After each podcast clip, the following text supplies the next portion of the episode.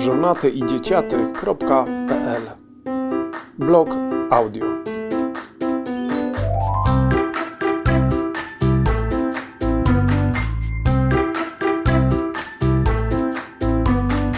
Czyta autor. Opowieść wigilijna.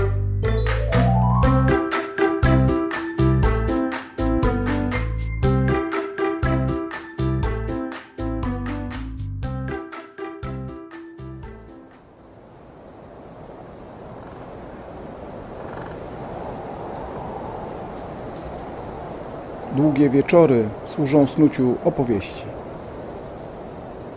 Szczególny czas najdłuższej nocy zasługuje na szczególną opowieść.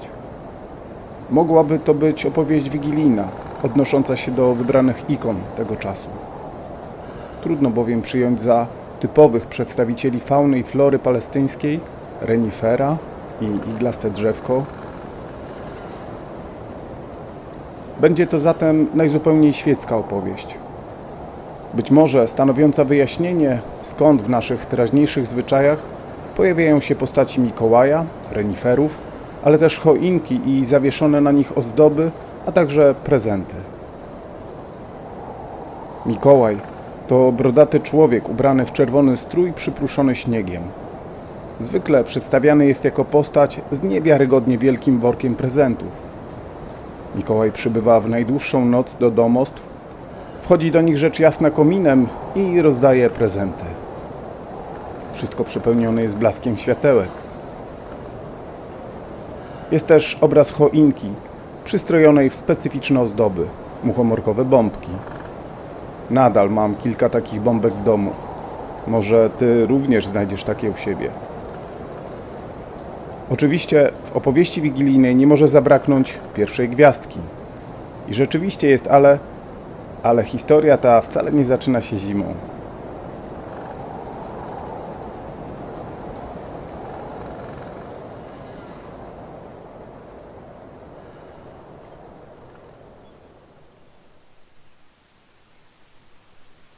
Wyobraź sobie wielką krainę, w której żyją niedźwiedzie i renifery. Niedźwiedzie to takie duże misie, które ludzi i ich sprawy mają gdzieś i zjadają ludzi dużo częściej niż odwrotnie.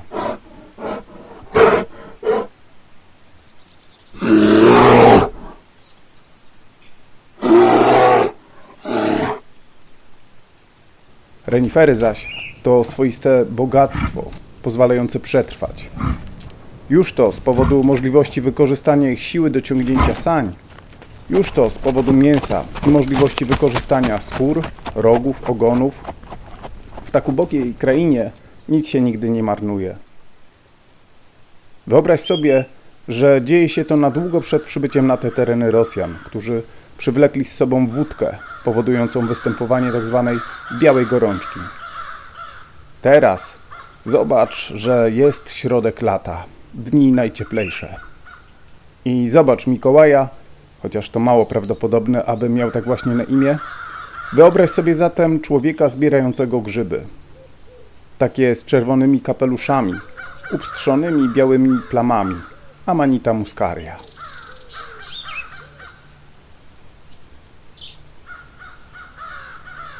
Człowiek ten zna wartość tych grzybów. Wie też, że nie występują one na całej przestrzeni, którą dzisiaj nazywamy Syberią.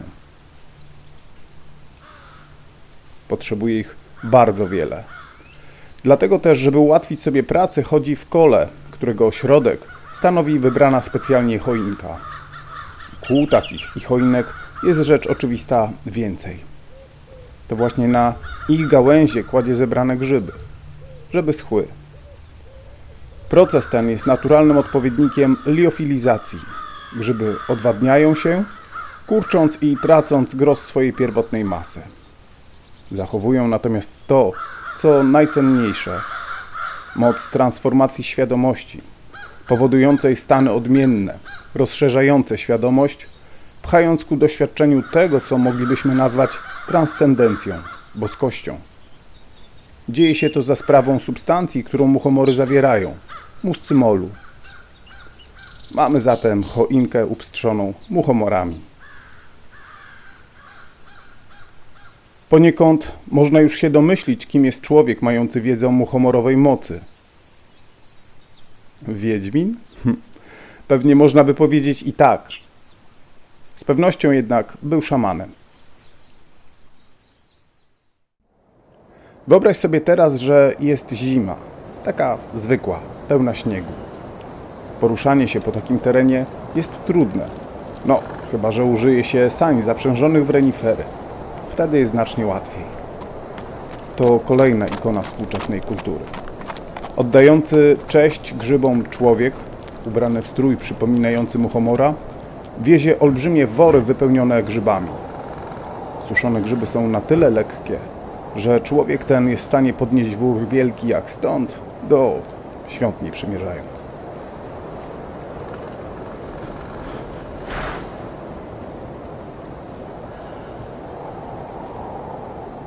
Kiedy Mikołaj, czy jakoś mu tam było, dojechał już do domostwa, musiał się jakoś dostać do środka. Typowa zabudowa w takim terenie jest niska, często wkopana w ziemię. Łatwo więc zasypuje taką śnieg. I wówczas jedynym drożnym ciągiem pozostaje, tak, tak, właśnie komin.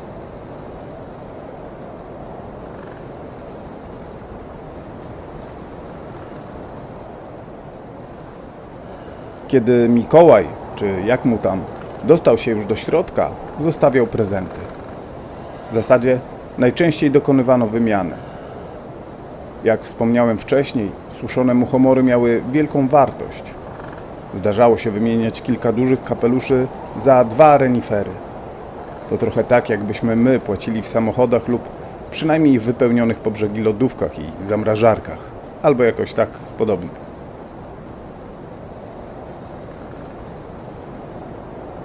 Ludzie, których było stać na takie ekstrasy, kosztowali muchomorowe kapelusze, by rozszerzać świadomość.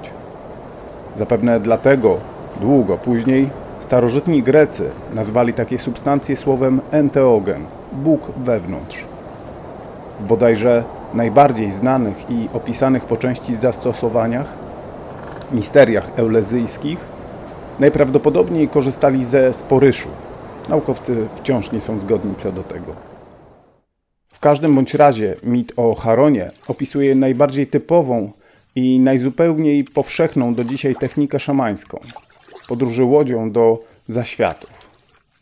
Jedyną, aczkolwiek znaczącą różnicę stanowi fakt, że szaman wracał zawsze, a jeśli zabierał w podróż inne osoby i one mogły decydować o swoim powrocie lub pozostaniu w zaświatach. To oznaczało śmierć w naszym świecie. U Greków Charon wracał zawsze sam.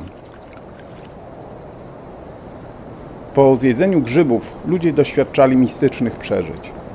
Świat zmieniał się, ujawniając sakrum ukryte przed profaną codzienności, wypełnionej walką o przetrwanie. Było tylko jedno ale. Ale nie wszystkich było stać na takie frykasy. Stąd też, kiedy bogatsi zaspokoili już swoje pragnienia, z czasem chcieli zaspokoić i potrzeby również te fizjologiczne. Ci biedniejsi podstawiali miseczki, przechwytując urynę sikających, zapewne pod wiatr, wszak sikanie z wiatrem to pójście na łatwiznę bogaczy. Zapewne tak powstało to, co nazywamy dziś urofagią. Pomijając aspekty estetyczne lub ich brak, miało to sens. Muscymol przetrawiany, ale nie zmetabolizowany, przez pierwotnego zjadacza muchomorowych kapeluszy zachowywał się w całości swej mocy. Był całkowicie bezpieczny dla kolejnych konsumentów, a było ich z tego powodu wielu. Zapewne również z powodu braku reniferów na stanie posiadania, nie wyłączając pierwszych konsumentów chcących przedłużyć działanie grzybów. To trochę jak perpetuum mobile. Muscymol działa w organizmie, ale jest wydalany w całości. Ewentualne skutki uboczne, głównie za sprawą muskaryny, były doświadczane przez pierwszych konsumentów. Dlaczego o tym aż tyle? Hmm. Ano dlatego, że nie tylko biedniejsi mogli doświadczać dzięki temu transcendencji. Renifery są szczególnie wrażliwe na ludzki mocz po spożyciu muchomorów, w zasadzie to na ludzki mocz w ogóle. Wyposażone przez naturę w niezwykle czuły węch potrafią wyniuchać taki muscymolowy afrodyzjak z wielu kilometrów i przybiec nadziei możliwości jego skosztowania. A wtedy? Hmm. Wtedy stawały się świętymi zwierzętami. W kulturze syberyjskich ludów renifer pojawiał się najczęściej jako przewodnik po zaświatach. Stąd też i same zwierzęta, które kosztowały muscymolu w ludzkim moczu, były traktowane szczególnie. Zwierzęcia w takim stanie nie można było przykładowo zabić. Zwykle wtedy pętano reniferom nogi, aby daleko nie odeszły. Ostatecznie ten stan nawiedzenia nie mógł trwać wiecznie.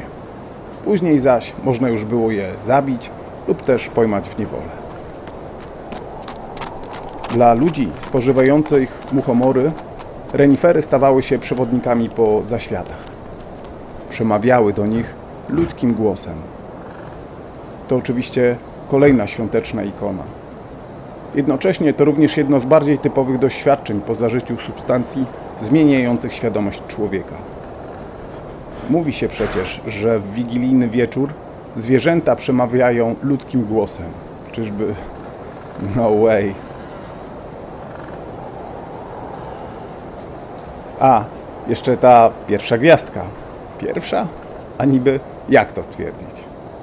Wieki temu, kiedy nie było tyle świateł, bo niby skąd, nie było również tylu zanieczyszczeń, które utrudniałyby lub uniemożliwiały obserwację rozgwieżdżonego, jak zwykle, nieba. Gwiazdy były dobrze widoczne, a długie noce sprzyjały obserwacjom, które pozwalały uchwycić fakt, iż jedna z nich się nie obraca, z czego korzystali żeglarze podróżnicy. Tak zwana opowieść wigilijna dzieje się wszak w szczególnym czasie. Czasie, kiedy obserwowane na niebie gwiazdy dotychczas opadające poniżej widnokręgu 24 grudnia, oczywiście wedle dzisiejszej rachuby, zaczynają się wznosić ponad horyzont. Zupełnie niczym symboliczne zwycięstwo światła nad ciemnością. I całkowicie zgodne z rytmem świata, w którym od tego właśnie momentu, po trzech dniach ciemności, światła, czyli dnia, zaczyna przybywać. Wspomniane trzy dni również mają swoje uzasadnienie. Wszak z 21 na 22 grudnia mamy przesilenie zimowe, którego mądrzy ludzie byli świadomi już wieki temu.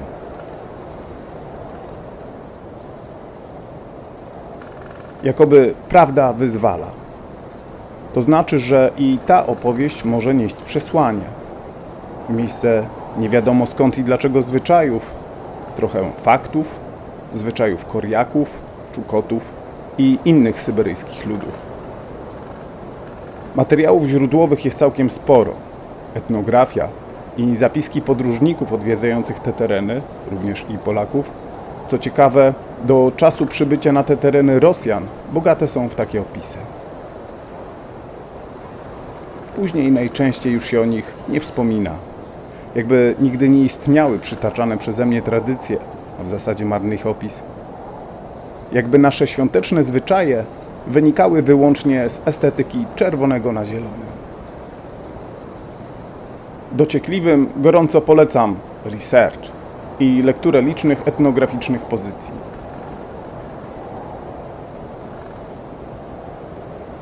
W odniesieniu zaś do ikony blasku świątecznego, ale też i tradycyjnych dróg indukcji, odmiennych, rozszerzonych stanów świadomości, polecam lekturę jednego z esejów Aldusa Huxleya, dostępnego w polskim tłumaczeniu. Niebo i piekło. Huxley, wielki erudyta i jednocześnie znawca sztuki, opisuje w tym dziele, dziełku, egzogenne i endogenne sposoby rozszerzania świadomości ludzkiej.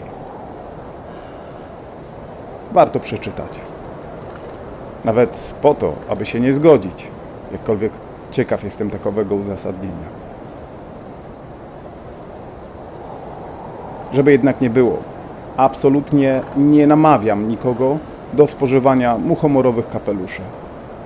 Według mojej wiedzy można to przeżyć, ale wątroba jest tylko jedna. Znakomita większość takich działań ma charakter tak zwanych doświadczeń granicznych. I o ile w przygranicznych sferach zwykle dzieje się najwięcej, o tyle najłatwiej też jest się przekręcić. Niech wszystko, co powiedziałem, pozostanie wigilijną opowieścią. Jedną z wielu.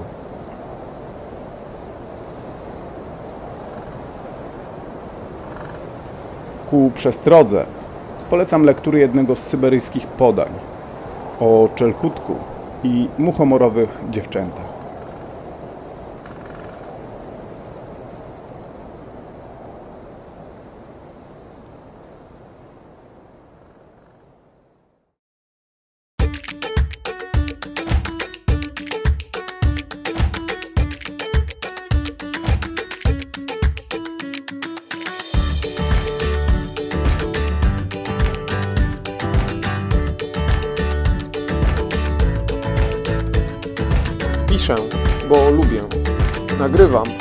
Mogę.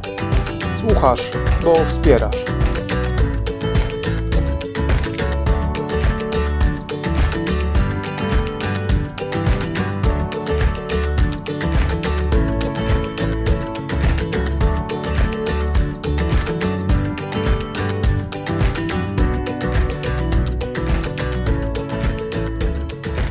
żonaty i dzieciaty.pl Blog audio